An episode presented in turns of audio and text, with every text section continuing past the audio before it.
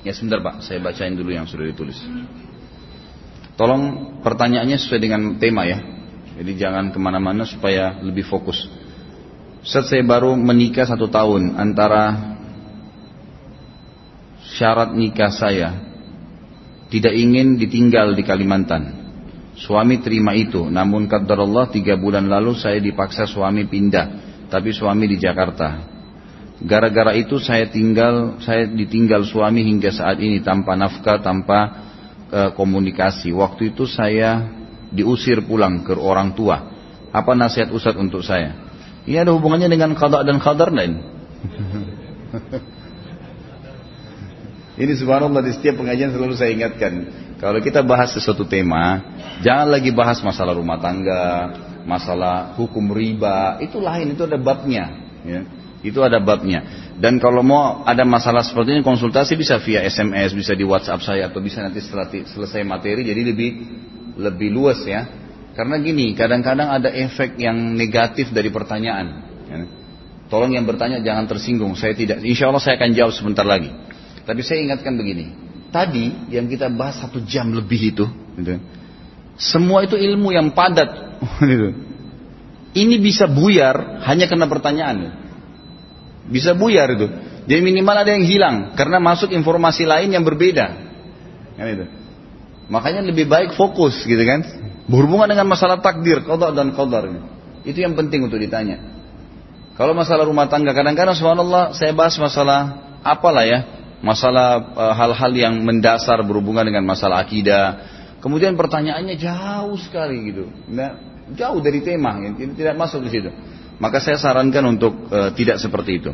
Baik, masalah rumah tangga, memang ada sebuah hadis Nabi SAW memang mengatakan al mu'minuna ala syurutihim. Hadis sahih riwayat Imam Muslim. Artinya orang mukmin harus mengikuti syaratnya. Sebagian ulama Hanafiyah mengatakan seorang wanita boleh memberikan syarat selama tidak bau maksiat kepada Allah sebelum nikah. Sebagaimana suami calon suami boleh memberikan syarat. Di antara syarat seperti ini. Kalau si perempuan sebelum menikah mengatakan saya terima lamaran anda, tapi dengan syarat saya nggak mau keluar dari Kalimantan. Kalau suami sudah mengatakan calon suami iya, dia nggak boleh paksain, nggak boleh. Syarat kecuali si istri yang tanazul. Tanazul artinya baiklah kalau gitu. Saya ikut sama kamu. Nggak boleh setelah nikah dia bilang kamu kan dalam Islam harus patuh dengan suami. Nggak bisa. Syarat anda sudah sepakati. Gitu kan? Jadi jangan iakan syaratnya. Misalnya kita bilang, oh nanti dilihat, gitu kan? Nanti kita pertimbangkan, kita nggak tahu apa yang akan terjadi nanti. Itu lebih baik daripada kita mengiyakan. Termasuk dalam pernikahan, kalau ada seorang wanita mengatakan saya terima lamaranmu tapi kamu jangan nikah lagi, misal. Si laki-laki mengatakan iya, nggak boleh dia poligami. Nggak boleh. Dia terima syaratnya. Kan gitu. Kecuali si istri ridho. Di sini babnya ridhonya nih. Tapi kalau dia bilang saya nggak bisa terima itu karena itu hukum Allah dan kita tidak tahu, gitu kan? Itu masalah saya nikah lagi saya tidak tahu. Nanti dilihat. Itu kita jelaskan apa adanya. Kan gitu, seperti itu. Jadi tidak boleh ada syarat yang sudah diiyakan. Ini jadi syarat. Jadi di sini kalau saya tangkap pertanyaan ini maka si suami berdosa nggak boleh. Apalagi dia sampai memberhentikan nafkah. Istri yang boleh diberikan, berhentikan nafkah kalau dia nusyul, membangkang, nggak mau layanin suami, nggak jalankan kewajibannya. Misal memang si istri tanpa ada syarat sebelumnya, ya, menikah saja begitu. Maka wajib tinggalin Kalimantan. Bukan cuma Kalimantan, Indonesia pun dia harus tinggalkan. Gitu kan? Kalau emang itu syaratnya nggak bisa, suaminya tinggal di mana misalnya, dia harus ikut. Nggak bisa nggak, memang kewajiban dia kan, kewajiban dia menemani suaminya nggak boleh di mana suaminya dia harus melayanin. Itulah kewajibannya Allah gantungkan surga untuk dia di situ. Allahu alam. Jadi yang saya tahu si suami salah di sini. Dan saya sarankan ibu untuk berdoa mendoakan agar Allah berikan dia hidayah dan suruh juga dia konsultasi dengan beberapa ustadz-ustadz di daerah di mana dia tinggal ya untuk uh, apa namanya uh, dia bertanya masalah hukum syar'i. Kalau memang dia tidak mau ya istikharah kepada Allah SWT minta petunjuk diapain, dia lanjutin atau enggak gitu kan. Seperti itu. Kalau laki-laki sholat wajibnya lebih banyak di rumah daripada berjamaah di masjid, apakah berdosa? Ini bab sholat ini. Ini bab sholat. Tanya masalah qadha dan qadar.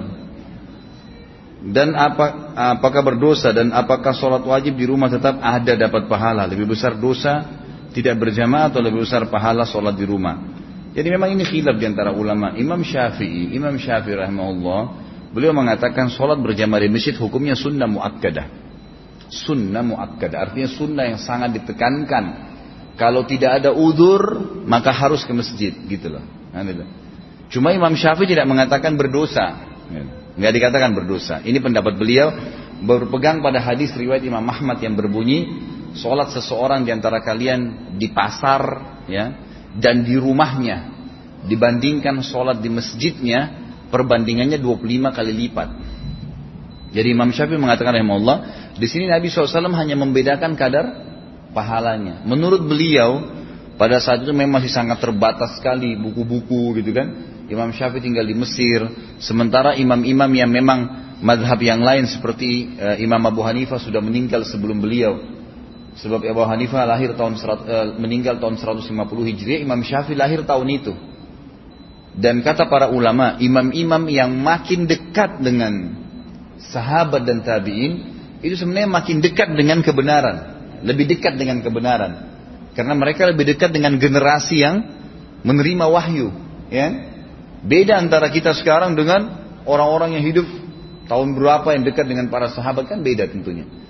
Artinya di sini bedanya ini karena mereka ya, lebih lebih dekat ya, lebih paham. Tapi bukan berarti mereka benar semua tidak. Kalau kita temukan dalil sekarang memang lebih kuat ya kita wajar untuk mengikutinya kan gitu.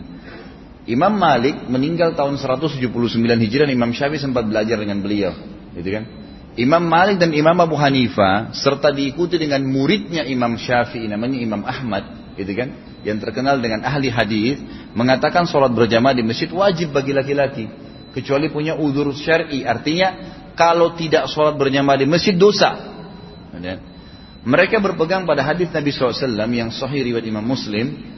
Saya pengen sekali kata Nabi ada yang menggantikan saya menjadi imam kemudian di, apa dikomahkan salat lalu ada yang gantikan saya jadi imam, kemudian saya membawa kayu bakar dan membakar rumah-rumah laki-laki yang tidak pergi sholat berjamaah di masjid.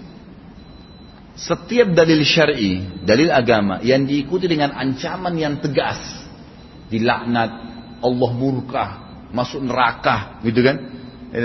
Seperti ini Nabi bilang saya akan bakar rumahnya. Itu berarti dosa besar. Kan gitu. Itu berarti dosa besar. Makanya jumhur ulama mengatakan dosa besar kalau dia tidak sholat tanpa udur ya ke masjid.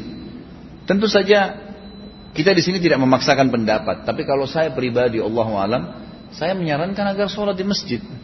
Hanya ke masjid, hitungan menit dapat pahala setiap ke masjid dapat satu istana di surga, bukan di Menteng. Ini bukan di Kemang, bukan apartemen di Kalibata City. Kita dikasih satu tingkat apartemen, sepuluh apartemen aja sudah bangganya luar biasa. Dikasih istana di surga hanya ke masjid turun sebentar, kunci apartemennya turun sebentar ke sini. Habis sholat kembali lagi, makan, minum, tidur silakan. Dapat satu istana di surga.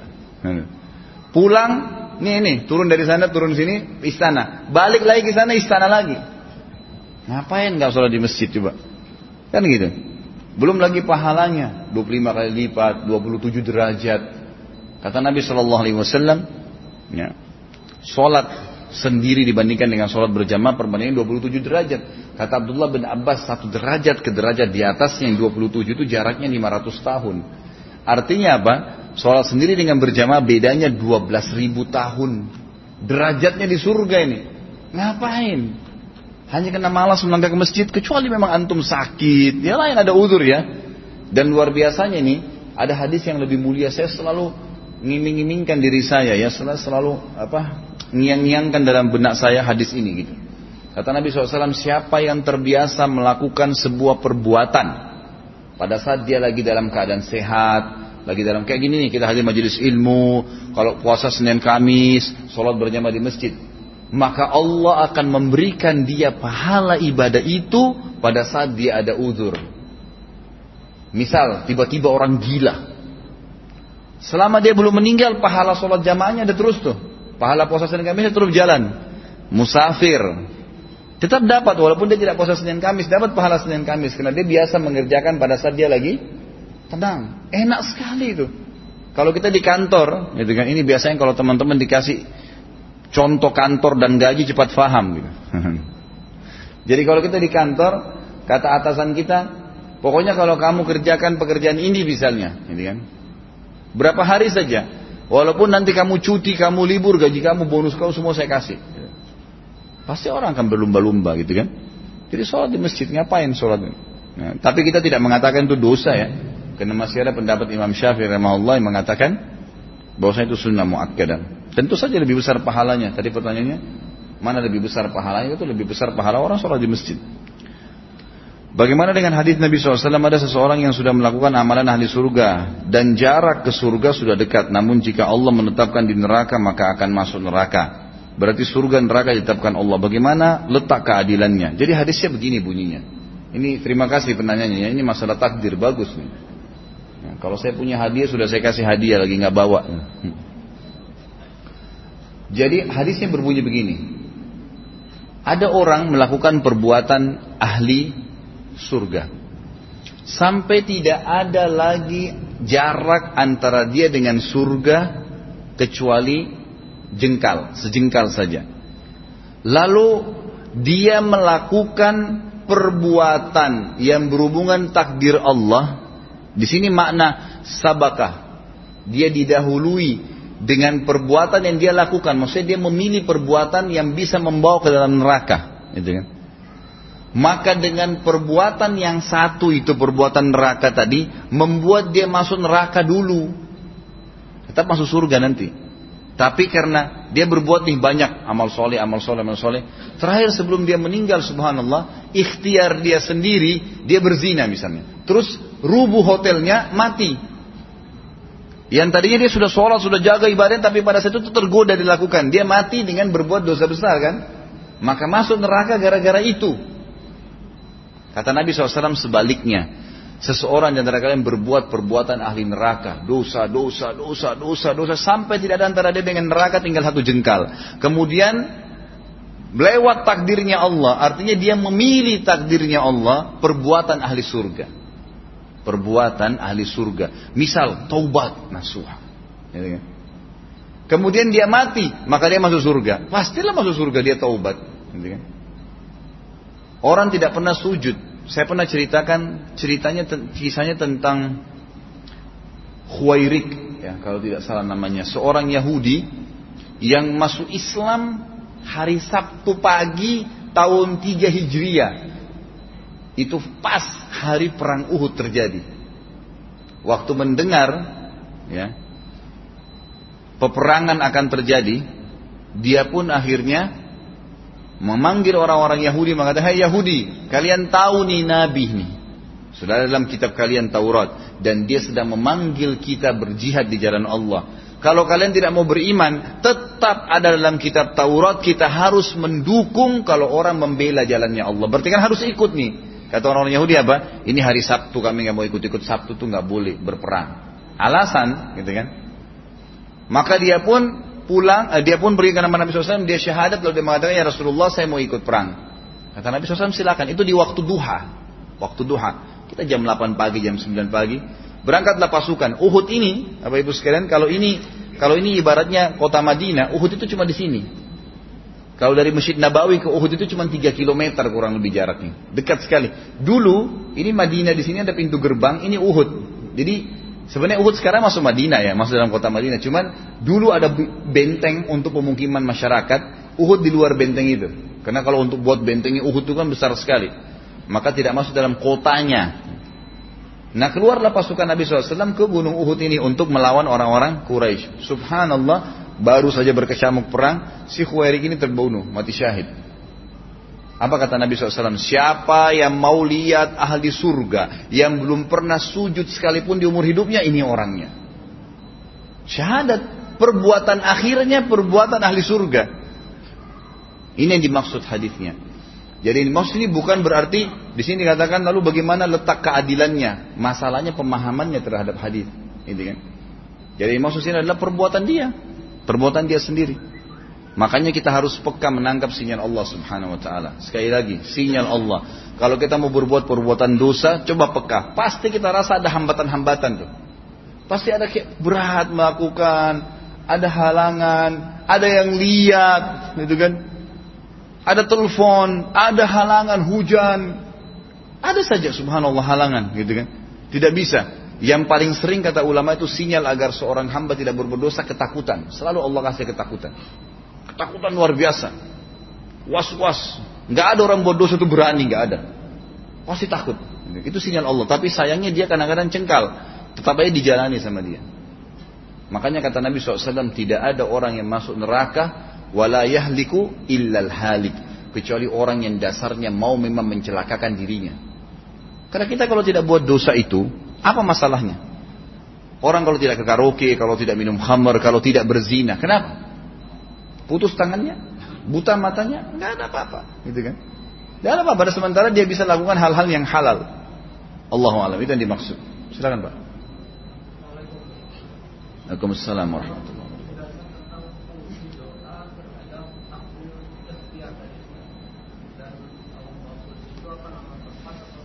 Apa itu? Lohin Mahfud. Pertanyaan pertama tadi? Hmm. Berdoa sendiri adalah takdir ikhtiar. Berdoanya, perilaku berdoa. Allah siapkan fasilitas doa, tinggal kita mau lakukan atau tidak kan? Kalau kita lakukan berarti ikhtiar kita. Masalah ijabahnya ini mutlak. Takdir mutlak, ijabahnya. Karena dari Allah. Nah nanti Allah terima atau tidak tergantung dari syarat-syarat. Kalau dia penuhi syarat pasti Allah terima. Karena kata Nabi SAW dalam hadis Bukhari, Ud'u rabbakum mukinuna bil ijabah. Fa inna Allah la yakbalu du'a min qalbil ghafil. Kalau kalian berdoa sama Tuhan kalian ikuti dengan keyakinan penuh Tuhan kalian akan kabulkan. Karena Allah tidak terima doa dari hati yang lalai. Gitu kan? Artinya ikhtiarnya berdoa, ijabahnya dari Allah Subhanahu wa taala dan tidak ada doa dalam hadis yang lain dikatakan riwayat Imam Bukhari, tidak ada seorang muslim pun yang berdoa kecuali Allah pasti ijabah. Hanya saja melalui dari tiga tahapan. Ada seorang ulama punya bahasa menarik sekali. Dia sempat bilang, saya lihat cuplikannya. Dia bilang, saudara-saudaraku muslimin, selama ini bukankah kita semuanya berdoa? Berapa miliar doa yang sudah naik ke langit? Gitu kan? Di musim haji, di musim umrah, di Ramadan. Dalam hidup itu seorang muslim paling tidak dia pernah berdoa. Di mana semua doa-doa itu? Banyak orang yang belum melihat hasilnya. Maka beliau lalu menjelaskan hadis yang akan saya jelaskan sekarang. Kata Nabi Shallallahu Alaihi Wasallam, tidak ada seorang muslim pun berdoa kecuali pasti diijabah sama Allah. Asal dia tidak tergesa-gesa, dia tidak meminta yang haram, dan dia seorang muslim. Ini syarat-syarat mutlaknya. Tentu diikuti dengan keikhlasan. Maka bisa saja Allah kasih langsung. Dia minta ya Allah sembuhin, Allah sembuhin. Ya Allah mudahin, Allah mudahin. Ya Allah berikan rezeki, Allah bukain pintu rezeki. Tapi ingat, ada proses. Bapak misalnya yang bertanya ini, kalau bapak lapar nih, terus bapak berdoa sama Allah, ya Allah hilangin lapar saya. Hilang tiba-tiba? Ada proses. Kita makan, ada yang kasih makanan, mungkin kita masak. Minimal ngunyah dulu, telan dulu, baru kemudian hilang laparnya. Capek, letih, ya Allah capek letih, baik Allah hilangkan. Dengan cara tidur dulu, istirahat, nggak langsung hilang spontanitas. Jadi ada proses, gitu kan? Nah ijabah dari Allah datang ada prosesnya, nggak spontanitas begitu, nggak seperti sulap-sulapan gitu. Kemudian yang kedua, kata Nabi SAW, yusraf an husu. Bisa dihilangkan musibah yang tadinya harus kena dia, hilang, nggak jadi kena. Kita nggak tahu nih, bisa saja mungkin ada sesuatu memang yang akan orang niat jahat, orang niat buruk. Allah subhanahu wa ta'ala hilangkan musibah itu dengan doanya. Tapi ini tidak lepas dari takdir ya. Allah sudah tahu nih pada waktu itu nanti ada orang yang mau niat jahat sama dia, ada yang mau bakar ininya, ada yang mau curi barangnya, tapi Allah hilangkan karena Allah tahu pada saat itu dia sudah berdoa, misal seperti itu. Dan yang ketiga Allah simpankan yang akan panen dan dia akan panen dalam bentuk pahala yang banyak pada hari kiamat. Jadi tidak ada yang hilang. Semua akan ada. Makanya dalam bab kalau Bapak bisa ikutin di YouTube ada ceramah saya di web. Ya. Itu dahsyatnya doa. Di situ ada di antaranya saya banyak sebutin tuh. Masalah poin-poin, syarat-syaratnya, bagaimana datangnya doa dalam bentuk sinyal, bagaimana tahapannya, proses gitu kan. Jadi ada orang berdoa sama Allah SWT, Allah kasih. Tapi bertahap Allah kasih itu. Misal minta dibukakan rezeki, dalam setahun berubah jenjang sosialnya. Gitu kan. Setahun dia baru punya ini, punya itu, punya. Tapi ada prosesnya kan. Dikasih bertahap. Jadi ini hikmahnya agar manusia tetap kontak dengan Allah Subhanahu Wa Taala. Dikasih tahapan itu. Ada riwayat yang lain berbunyi, kata Nabi Shallallahu Alaihi Wasallam, akan datang beberapa orang pada hari kiamat nanti diberikan pahala bergunung-gunung. Lalu mereka berkata kepada para malaikat yang memberikan, dari mana nih? Kami kayaknya nggak tahu pahala apa ini. Kata para malaikat ini pahala doa-doa kalian yang belum kalian lihat ijabahnya di dunia. Maka pada saat itu mereka semuanya berharap kalau semua doa mereka di dunia belum dikasih di dunia agar mereka panen dalam bentuk pahala. Jadi jangan pernah bosan berdoa, nggak masalah. Nah itu ibadah terus ada pahalanya. Ya. Terus ada pahalanya. Kalau pertanyaan kedua masalah lohil mahfud itu sebuah buku. Ya. Kitab. Illa fi kitab kata Allah. Memang kitab, kitab artinya memang buku. Allah SWT, tapi kita tidak usah bayangkan seperti buku kita. Karena di sisi Allah SWT ini berbeda semua. Seperti misalnya riwayat yang menjelaskan buku amal yang akan diterima oleh setiap hamba pada hari kiamat, buku amal kita sendiri, seluas pandangan mata kita. Setiap orang. Jadi bukan kita begini. Seluas pandang mata, bagaimana tidak? Bayangkan dari pertama kita jatuh dari rahim ibu kita, tangisan pertama, kedipan mata pertama, genggaman tangan pertama. Tarikan nafas pertama, yang ke seribu, yang ke seratus. Sampai kita mati, sejarah lengkap ini ditulis semua. Semuanya ada. The Lohil Mahfud menampung semuanya itu. Ah, manusianya, jinnya, hewan-hewannya, perputaran langit, langit dan bumi semuanya. Makadir itu luar biasa. Dan memang definisi atau berhubungan dengan definisi keimanan adalah meyakini semua apa yang Allah telah sampaikan dan Rasulnya Muhammad Sallallahu Alaihi Wasallam, gitu kan? Dengan mengikrarkannya dengan lisan, meyakininya dalam hati dan mengaplikasikannya dalam anggota dewan sehari. Artinya gini, ada hikmah tidak ada hikmah, ya tetap kita yakini. Kalau ada hikmah itu pelengkapnya. Kita dalam Islam bentuk keimanan kita pada sholat misalnya. Allah memerintahkan sholat empat rakaat asar. Ya sudah kita jalani empat rakaat sebagai orang yang patuh sebagai hamba.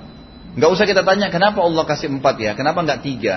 Kenapa duhur dan asar berdekatan sama-sama di waktu siang? Coba Allah kasih satu saja ya. Itu bukan bukan bukan kapasitas kita di situ. Kalau kita begitu berarti bukan orang yang beriman. Beriman itu sudah yakin, oh ini Allah sudah perintahin, terima langsung kerjain, gitu kan. Seperti itu. Jadi itu kitab ya Pak, yang luas, yang besar dan memang belum ada riwayat yang menjelaskan tentang kadar besarnya tapi tadi saya cari, saya dapatkan dari di benak saya itu hadis yang menjelaskan tentang buku kadar amal kita seluas pandangan mata. Bayangkan kalau miliaran manusia, gitu kan. Sama juga dengan timbangan amal hari kiamat, itu besar sekali. Kata Nabi SAW, mizan, saya jelaskan beberapa teman yang lalu kan. Itu mizan itu besar timbangan amal hari kiamat itu. Punya lidah bisa menghardik orang yang salah, bisa memuji orang yang benar. Lid, timbangan, bagaimana tuh timbangan? Kita nggak bisa bayangkan kan gitu. Sampai kata Nabi SAW, saking besarnya timbangan tersebut, ada nanti orang ditimbang amalnya karena dia takut dosanya lebih berat, maka dia loncat ke dalam timbangan itu. Sementara pada saat itu kata Nabi SAW semua laki-laki kembali kepada poster Adam 60 siku ke langit 27 setengah meter Bagaimana berat badannya itu kira-kira 27 meter Ini loncat ke dalam timbangan Tapi kata Nabi SAW tidak menambah sedikit pun dari bobot amalnya Timbangan itu adil hari kiamat tidak ada yang dia timbang kecuali amal saja. Contohnya. Ya. Ada lagi? Ya. Silakan yang baju hitam sebentar. Waalaikumsalam warahmatullahi Tidak pak. Kalau dia lahir takdir mutlak. Sesuatu yang dibawa dari lahir itu murni dari Allah Subhanahu Wa Taala. Allah lebih tahu. Gitu kan? Kalau hikmah banyak ulama sampaikan hikmah. Hikmah misalnya Memang anak ini kalau lahir normal, dia akan nyusahin orang tuanya. Diambil daripada kisah Khidir, gitu kan? Waktu bertemu dengan Musa alaihissalam, kemudian dibunuh anak kecil lagi jalan dibunuh oleh Khidir. Kata Musa alaihissalam, kenapa kau bunuh anak tidak ada dosanya? Kata Khidir, jangan kau tanya sesuatu yang memang sebelum saya jelaskan. Tapi kita ringkas cerita adalah terakhirnya Khidir menceritakan anak kecil tadi itu memang saya disuruh bunuh karena dia nanti kalau besar akan durhaka sama orang tuanya. Maka Allah ingin menyelamatkan anak ini dan menyelamatkan orang tuanya. Karena kalau anak ini mati sebelum balik masuk surga. Orang tuanya juga selamat dari itu dan Allah akan gantikan anak yang saleh. Tapi ini hanya Nabi yang melakukannya. Garis bawahi hanya Nabi. Jangan keluar dari masjid sini bunuh anaknya orang. Ya. Ini hanya perilaku Nabi dan ini mukjizatnya Nabi Khidir. Ya, alhamdulillah saya sudah bahasa Indonesia sudah jelas. Ya. Nanti, nanti di bawah nama-nama saya lagi. Gitu. Jadi ini perlu diketahui. Ini contoh. Tapi kita bisa tarik benang merah dari situ, gitu kan? Bahwasanya memang ulama mengatakan di antara hikmah kalau ada orang lahir dalam kondisi cacat, Allah memang banyak hikmah. Di antara poin pertama, Allah ta, Allah sementara ingin ingin menyelamatkan orang tuanya dari musibah yang ada. Kalau dia normal lebih berbahaya bagi dia. Yang kedua, Allah Subhanahu wa taala ingin menunjukkan kemahakuasaannya. Ada yang normal, ada yang sakit, ada yang gagah, ada yang jelek, ada yang putih, ada yang hitam. Keanekaragaman ini membuktikan keajaiban kemampuannya Allah Subhanahu wa taala. Gitu kan? Artinya semua ini ciptaan Allah Subhanahu wa taala. Yang ketiga, Allah Subhanahu wa taala ingin meninggikan derajat orang tuanya dengan dia sabar misalnya, gitu kan? Allah Subhanahu wa taala berikan dia kedekatan dengan Allah Subhanahu wa taala karena karena kadang-kadang subhanallah begini loh, kalau hidup itu tidak dicoba, ada orang dicoba dengan anaknya lahir cacat, ada yang dianya cacat, ada yang nanti kalau rumah tangga pasangannya yang bermasalah, ada yang mertuanya cerewet, ada yang iparnya bermasalah, buka usaha bangkrut kemudian buka lagi yang lain, cobaan demi cobaan datang agar dia mendapatkan cobaan hidup, gitu kan? Jadi kita ini seperti film dalam kehidupan kita, gitu kan? Dalam kehidupan kita itu pasti akan ada suka dukanya, ada senangnya, ada sedihnya, variasi kehidupan. Tapi semua dinilai dinilai oleh Allah SWT kalau dia sabar. Ada kata kuncinya kan? Ini sabar nih passwordnya, selamat dari masalah itu. Nanti dapat pahala, nanti dapat begini. Jadi itu murni takdir pak. Tapi kalau ada seorang misalnya anaknya, dia sengaja pada saat jalan lagi pegang, meramai di pinggir jalan raya, anaknya dia pegang anak itu kemudian dilepas sama dia. Terus anaknya lari misalnya, ditabrak. Nah, orang tuanya penyebabnya. Berhubungan dengan masalah ikhtiar di sini. Kan gitu. Semestinya dia bisa jaga kan gitu. Dia bisa jaga. Semestinya. Jadi kalau lahir jelas mutlak kalau yang memang dia penyebab atau ada orang penyebabnya dia berarti ikhtiar. Gitu Pak ya. Anaknya kenapa? Ya berarti sudah ada ikhtiar ibunya. Yang saya faham tadi, yang saya faham luar cacat. Oh, kalau kalau ini ini pertanyaan baru. Kalau ini saya baru faham sekarang kalau pada saat ibunya lagi hamil sengaja minum obat untuk supaya anaknya tidak lahir kemudian itu cacat ya ibunya menjadi penyebab ada ikhtiar ibunya. Tapi tetap masalah anak itu lahirnya masuk dalam takdirnya Allah Subhanahu wa taala karena kalau ibunya minum racun anaknya kena cacat yaitu takdirnya Allah Subhanahu wa taala ada terjadi kan gitu penyebabnya. Lagi badai dia sengaja keluar maka dia kena tenggelam misalnya kan gitu. Jadi itu ikhtiar dia, si ibu yang berdosa, dia menanggung itu. Anak lahir, kalau kita bilang terus anak ini gimana ya? Sudah masuk dalam penyebab dari ikhtiar ibunya, gitu kan? Penyebab dari ikhtiar ibunya, maka dia masuk dalam kehidupan dia jalan kehidupan dia. Kita lihat subhanallah orang-orang anak-anak yang seperti ini, umumnya ya, umumnya kalau masih dibiarkan dalam fitrah, tidak ada yang bisikin hal-hal yang buruk, misalnya kamu lihat orang lain itu normal, kau sendiri enggak, lihat tuh gini, Tuhanmu tidak adil, itu lain. Tapi kalau dibiarin normal, pasti semua anak-anak begini tuh jalani kehidupannya biasa. Asal dia tidak diolok-olok, dibiarin fitrah, dia jalan saja tuh. Dia tidak ada masalah. Gitu kan? Apalagi semua ini sifatnya duniawi. Di akhirat nggak ada lagi. Orang kalau sudah meninggal, semua penyakit tidak ada, poster tubuh semua akan sama. Nggak ada lagi masalah di akhirat.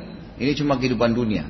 Karena fisik yang kita pakai sekarang sudah saya jelaskan kemarin pada saat kita bahas tanda-tanda hari kiam, uh, hari kebangkitan bahwasanya kita akan bangkit dengan jasad yang baru, bukan lagi jasad kita sekarang. Jasad ini akan dimakan oleh tanah, gitu kan.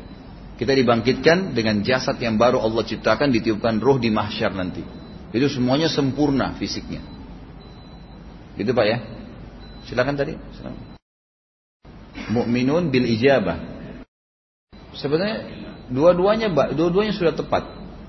Beriman tentang adanya ijabah doa dari Allah Subhanahu wa taala.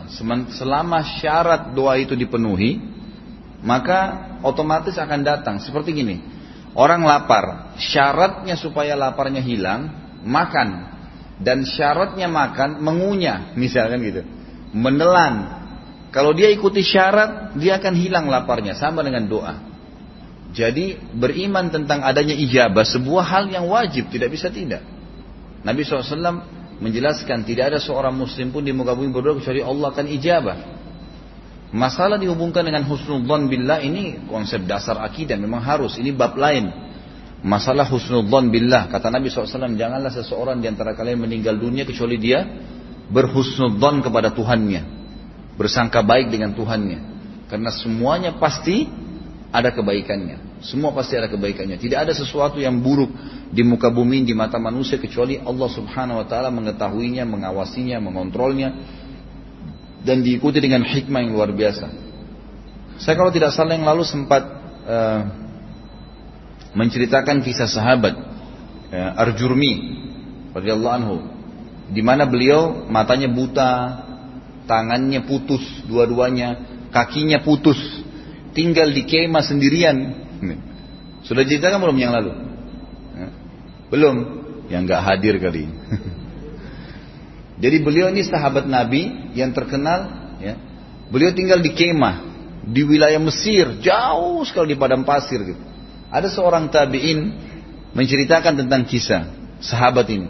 Dia bilang saya lagi naik kuda, di salah satu padang pasir Mesir tiba-tiba saya lewati sebuah kemah. Lalu saya tertarik untuk turun melihat kemah tersebut karena di kemah itu ada suara seorang laki-laki seperti meminta tolong. Gitu. Saya pun masuk lalu saya kaget melihat pemandangan seseorang yang matanya buta, dua-dua tangannya putus, kakinya putus.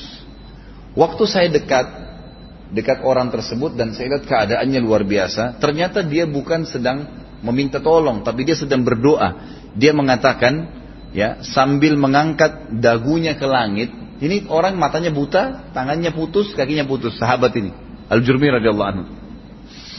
Lalu dia mengatakan, Rabbi auzi'ni an ashkura ni'mataka allati an'amta alayya wa ala walidayya wa an a'mala salihan tarda wa adkhilni bi rahmatika fi ibadika salihin. Ayat nih. Dia bilang, Ya Allah, mudahkanlah aku agar mensyukuri nikmat-nikmatmu padaku dan kepada kedua orang tuaku.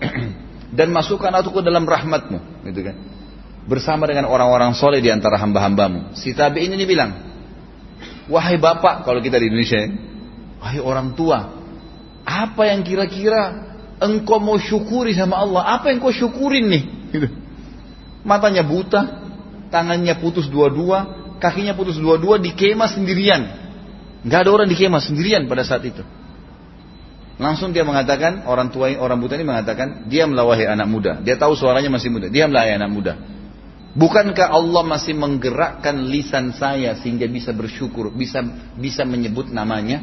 Itu sebuah nikmat. Kalau seandainya, kalau seandainya seluruh dunia ini didatangkan untuk saya, tetap saja saya menganggap menggerakkan lisan saya adalah nikmat yang paling besar, gitu kan?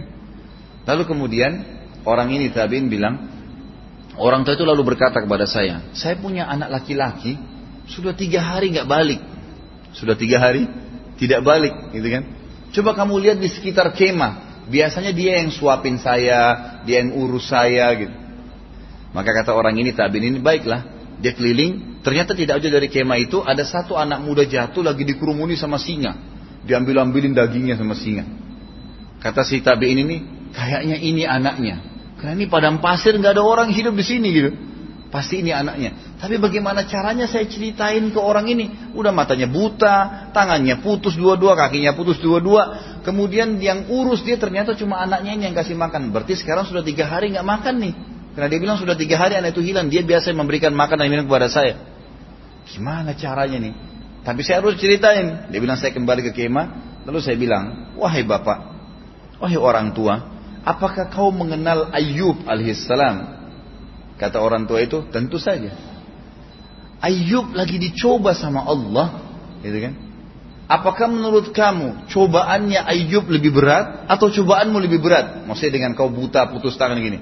Kata orang itu sahabat Nabi, dia belum tahu nih kalau ini sahabat Nabi. Dia bilang tentu saja Ayub alaihissalam. Ayub sampai belasan tahun dalam kondisi ditinggalkan kaumnya, meninggal 12 anak laki-lakinya, kena penyakit kusta, ditinggalkan oleh kaumnya. Ringkas cerita adalah Ayub lebih berat. Lalu kata tabiin ini, menurut kamu Ayub lakukan apa? Kata orang itu tentu saja bersabar, gitu kan? Tentu saja bersabar. Maka kata tabiin ini, bersabarlah kalau begitu. Ikutilah Ayub alaihissalam agar Allah berikan kau pahala yang besar karena anakmu dimakan oleh singa. Kata anak orang ini tabi ini bilang, saya kaget orang ini bukan nangis, bukan lalu mengatakan Alhamdulillah yang telah mengutus, yang telah mengaruniakan saya anak yang tidak pernah membangkang dengan saya. Artinya selama dia hidup anak itu baik sama saya. Sekarang mati berarti sudah masuk surga dia, gitu loh. Maka orang ini tabi ini bilang, Subhanallah, saya bangga betul lihat orang ini. Gak lama kemudian orang itu mengucapkan syahadat lalu meninggal dunia. Lalu saya bilang pada diri saya sendiri, gimana caranya saya urus nih satu orang nih. Di padang pasir sendirian, saya tidak tahu siapa dia, gitu kan. Mau dibawa juga ke kota, kotanya masih jauh. Dia bilang tiba-tiba ada empat orang lewat berkuda nggak tahu dari mana turun dari lewat kemah terminal. Saya mengatakan alhamdulillah ada orang. Saya dekatin mereka sebentar sebentar berikan salam. Tolong bantu saya. Kata mereka kenapa kamu? Di dalam kemah ini ada orang yang aneh asing. Matanya buta tangannya putus kakinya putus meninggal dulu tiba-tiba dan anaknya dimakan singa dekat kemah. Kata mereka mana orang itu? Kata empat orang ini. Lalu mereka turun waktu itu kebetulan sudah ditutup dengan selimutnya. Ada selimut itu kain ditutup. Buka mukanya. Begitu dibuka keempat empatnya ciumin orang ini. Sambil menangis. Mengatakan Allahu Akbar Allahu Akbar. Kata si tabiin ini apa kalian? Apa kalian kenal orang ini siapa? Dia bilang kau tidak tahu orang ini? Ini Al Jurmi sahabat Nabi Shallallahu Alaihi Wasallam.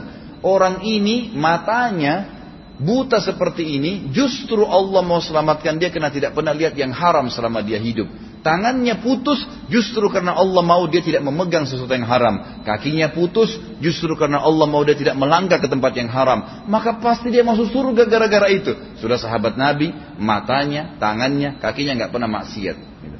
Artinya apa? Kita ambil pelajaran dari kisah ini.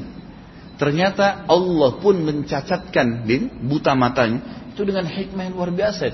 Gitu kan? Hikmah luar biasa. Jadi kadang-kadang kita jangan menganggap dengan kita normal berarti kita lebih baik daripada orang cacat. Belum tentu, akhi. Belum tentu, ukhti. Bisa saja dia malah Allah angkat derajatnya dengan itu. Gitu kan? Jadi kadang-kadang kita keluar dari pemikiran kita ya, yang semestinya mengikuti kontrol agama ini, keluar dengan pemikiran manusia sehingga kita akhirnya tidak memahami masalah itu. Jadi berhusnudzon dengan Allah itu sangat penting. Allah tidak akan Allah lebih sayang kepada kita teman-teman sekalian dibandingkan sayangnya ibu kita kepada kita. Hadis banyak masalah itu kan. Di antaranya pada saat dalam satu peperangan ada seorang ibu tawanan nih. Ibu ini orang kafir. Ditawan oleh pasukan muslimin. Lagi debu banyak, keringatan orang-orang pada saat itu. Ada anak kecil, ada perempuan, ada laki-laki, tawanan perang. Lagi digiring oleh para sahabat. Ada satu ibu rupanya, ibu ini lagi menyusuin dan bajunya basah dari asi. Rupanya ibu ini masuk dalam tawanan dan dia kehilangan anak yang sedang dia susui. Maka ibu ini keliling di tawanan-tawanan tersebut ada anak kecil dilihat diangkat, dibalik, bukan anak dia ditaruh lagi. Terus dia keliling. Nabi SAW lihat perilakunya ibu ini dan tahu, tahu kalau ibu ini lagi cari anaknya. Maka kata Nabi SAW perhatikan ibu itu kepada beberapa sahabat di sebelah beliau. Maka mereka pun memperhatikan, pasti ada sesuatu hukumnya yang Nabi SAW ingin sampaikan. Ibu ini angkat anak balik bukan anaknya, dicari banyak anak-anak, ada banyak anak-anak di situ. Sampai hanya dia angkat satu anak, dibalik ternyata anaknya dia. Waktu dia lihat anaknya, bayangkan kalau kita jadi posisi ibu ini wajar. Dia langsung peluk sambil menangis, terus dibuka bajunya, disusuin di depan orang.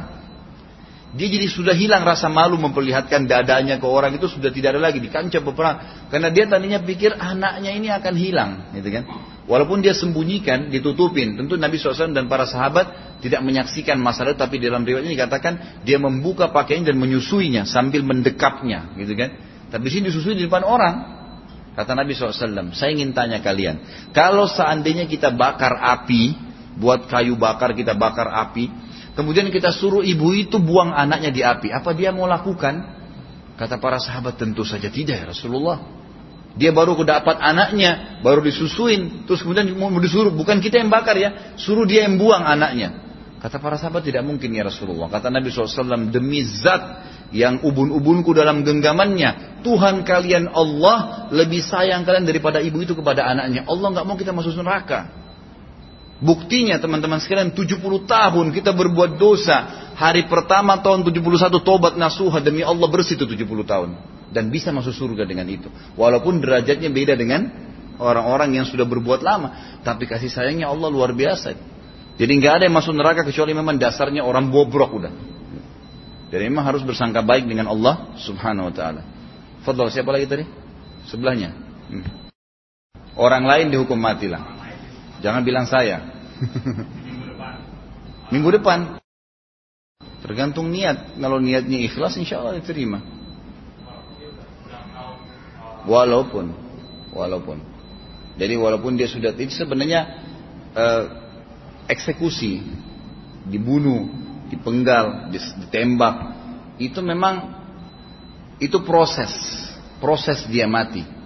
Tapi di sniper, dipenggal atau tidur di ranjang, tetap pada detik itu dia akan mati. Itu poin penting ya. Jadi maksudnya itu prosesnya saja dieksekusi atau tidak, tetap dia akan mati kalau ajalnya datang pada saat itu. Masalah amal dia kerjakan, baik ada eksekusi atau tidak, gitu kan? Tetap akan diterima selama syaratnya dipenuhi. Ikhlas, benar ikutin syarat dan rukun. Misalnya sholat, tutup aurat, masuk waktu, gerakan bacanya benar diterima sama Allah SWT. Selama memang dia belum meninggal, insya Allah diterima. Ada lagi? Alhamdulillah. Sudah nggak ada? Baik kalau begitu. Kita tutup sampai sini mudah-mudahan bermanfaat insya Allah apa yang kita bahas dan uh, saya mengajak diri saya dan Bapak Ibu sekalian untuk uh, di bulan Syaban ini banyak ya, banyak justru melatih diri ibadah supaya bulan Ramadan terbiasa. Karena banyak kaum muslimin sebagaimana sabda Nabi SAW yang berbunyi di bulan Syaban itu adalah banyak orang lalai. Banyak orang yang lalai. Karena dianggap oh Ramadan aja nanti dia sekalian saya ibadah. Itu salah. Gitu kan? Maka Nabi SAW mencontohkan justru di bulan Syaban memperbanyak puasa. Bahkan dalam banyak riwayat Bukhari dikatakan Aisyah berkata radhiyallahu anha, tidak pernah saya melihat Nabi SAW berpuasa sebanyak bulan Syaban. Riwayat lain dikatakan Aisyah berkata Nabi SAW berpuasa ya yang full satu bulan itu hanya Syaban dan Ramadan. Gitu kan? Jadi memang ada yang Nabi SAW lakukan di bulan Syakban yang semestinya kita lakukan ya. Artinya kita memperbanyak ibadah. Jangan justru kendor. Jangan mengatakan nanti Ramadan. Biasanya orang kalau Ramadan di hari pertama Ramadan baru mau picu dirinya itu berat.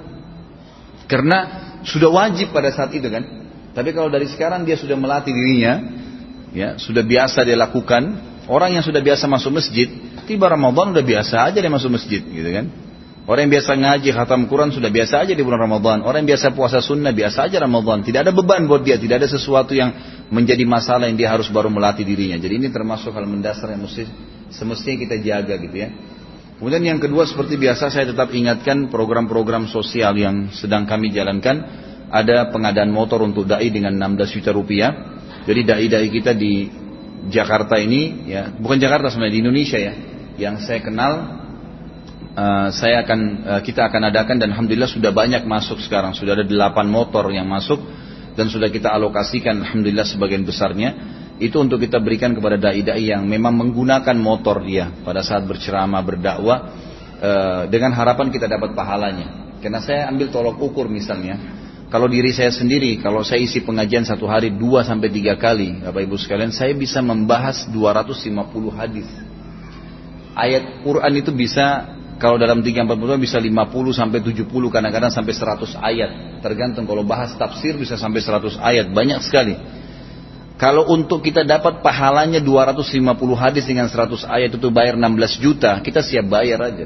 Pahalanya kita dapat. Bagaimana kalau motor itu dipakai 5 tahun sama dia? Nah, gitu. Berapa banyak pahala yang kita dapatkan? Gitu ya. Jadi sekarang lebih banyak kita fokus ke dai. Ada juga pengadaan, insya Allah ke depannya nanti akan pengadaan mobil untuk dai Kemudian akan ada perbaikan rumah atau pengadaan rumah buat mereka. Ini juga termasuk karena saya lihat masih jarang orang berpikir untuk masalah dai-dai ini. Bapak Ibu sekalian pikirkan baik-baik, dai ini adalah pengganti Nabi. Kata Nabi SAW, al-ulama warathatul anbiya. Ulama itu pewarisnya para Nabi. Kalau Nabi Muhammad SAW sekarang masih hidup, saya yakin kita akan senang, bersukaria untuk selalu membantu memenuhi kebutuhan beliau. Maka beliau sudah meninggal, pewarisnya adalah para ulama. Ulama-ulama kita harus dihormatin gitu kan. Nah ini kadang-kadang jarang orang yang berpikir. Bahkan ada subhanallah orang yang menipu Menipu seorang alim, menipu ustadz. Ini bagaimana ini modelnya? Bukannya dihormatin pemimpin umat ini malah ditipu, gitu kan? Ini berbahaya sekali. Dosanya lebih berat. Dan dalam bab sedekah kata para ulama, orang yang paling besar pahalanya kalau kita berikan sedekah adalah yang paling pertama para ulama dan dai. Kemudian datang kedua para mujahidin, baru ketiga datang para fukara dan masakin. Jadi kita kadang-kadang fokusnya ke orang yang ketiga. Kita lupain nih. Kalau di Saudi itu imam haram, para ulama-ulama itu hidupnya masya Allah gitu. Bahkan orang-orang pada berebut memenuhi, ada yang memenuhi berasnya, ada yang memenuhi ininya, ada yang memenuhi semuanya gitu kan. Ini bukan saya bicara karena saya seorang dai ya. Karena memang banyak dai-dai kita subhanallah yang tidak terperhatikan sama sekali. Saya tahu ada adik kelas saya, saya kaget saya ketemu kemarin di daerah Tebet sama-sama ceramah. Saya habis ceramah, dia habis ceramah. Saya pas salaman sama dia, dia pakai motor. Itu kalau motornya bisa bicara sudah ngeluh. Gitu. Udah nggak layak dipakai gitu. Padahal orang ini motoriknya luar biasa nih, ceramah sana sini gitu kan. Maka saya buatin program ini.